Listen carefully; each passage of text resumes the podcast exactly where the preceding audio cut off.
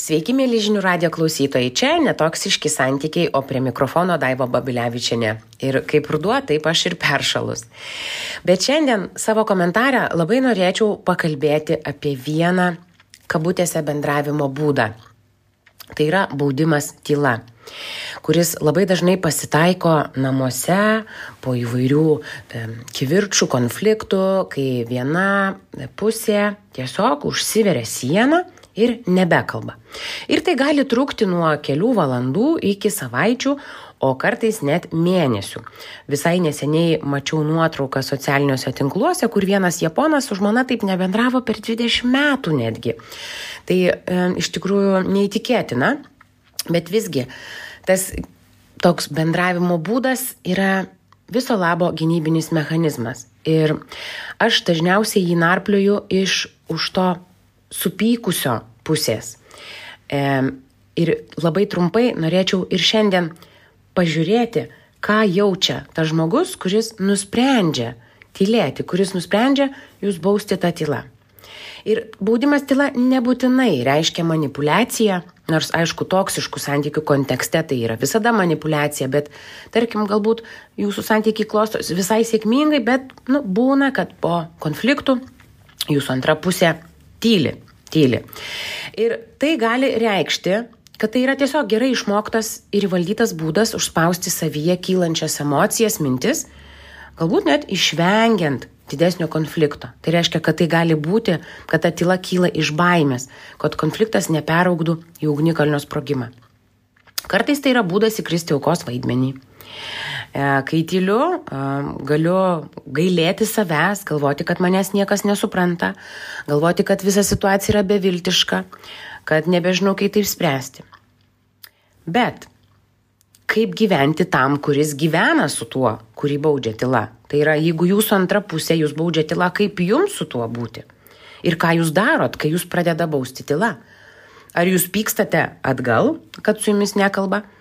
O gal užsidarot savyje dar labiau ir tada siekiate kažkokio keršto, nes jūsų jausmai labai įskaudinti.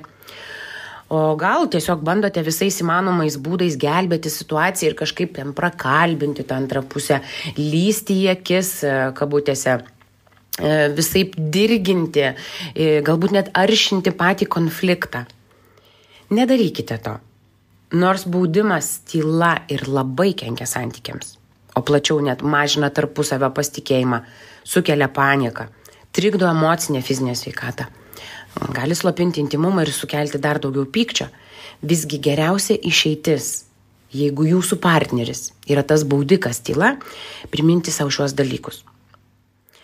Kad tas baudimas nėra jūsų kaltė mes labai dažnai iš kaltės, kad vais tyli, tai gal aš kažką blogai padariau, tai dabar turiu čia kažkaip spręsti visą tą, puolam į tos kraštutinumus.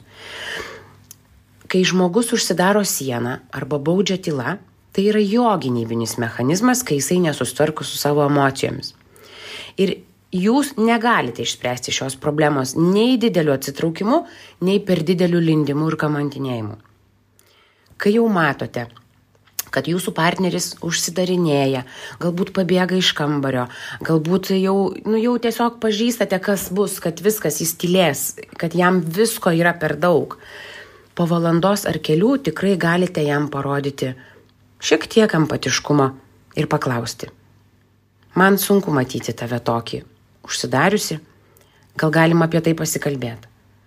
Gal galiu tau padėti kažkaip jaustis geriau. Ir jeigu tik jūsų santykiai nėra manipuliatyvūs ir toksiški, greičiausiai jūsų antra pusė šiek tiek atsivers, galbūt net nurims. Nes nepraėjo daug laiko, jūs iškart parodėte rūpestį, jūs tarytum atliepėt jo tos poreikius.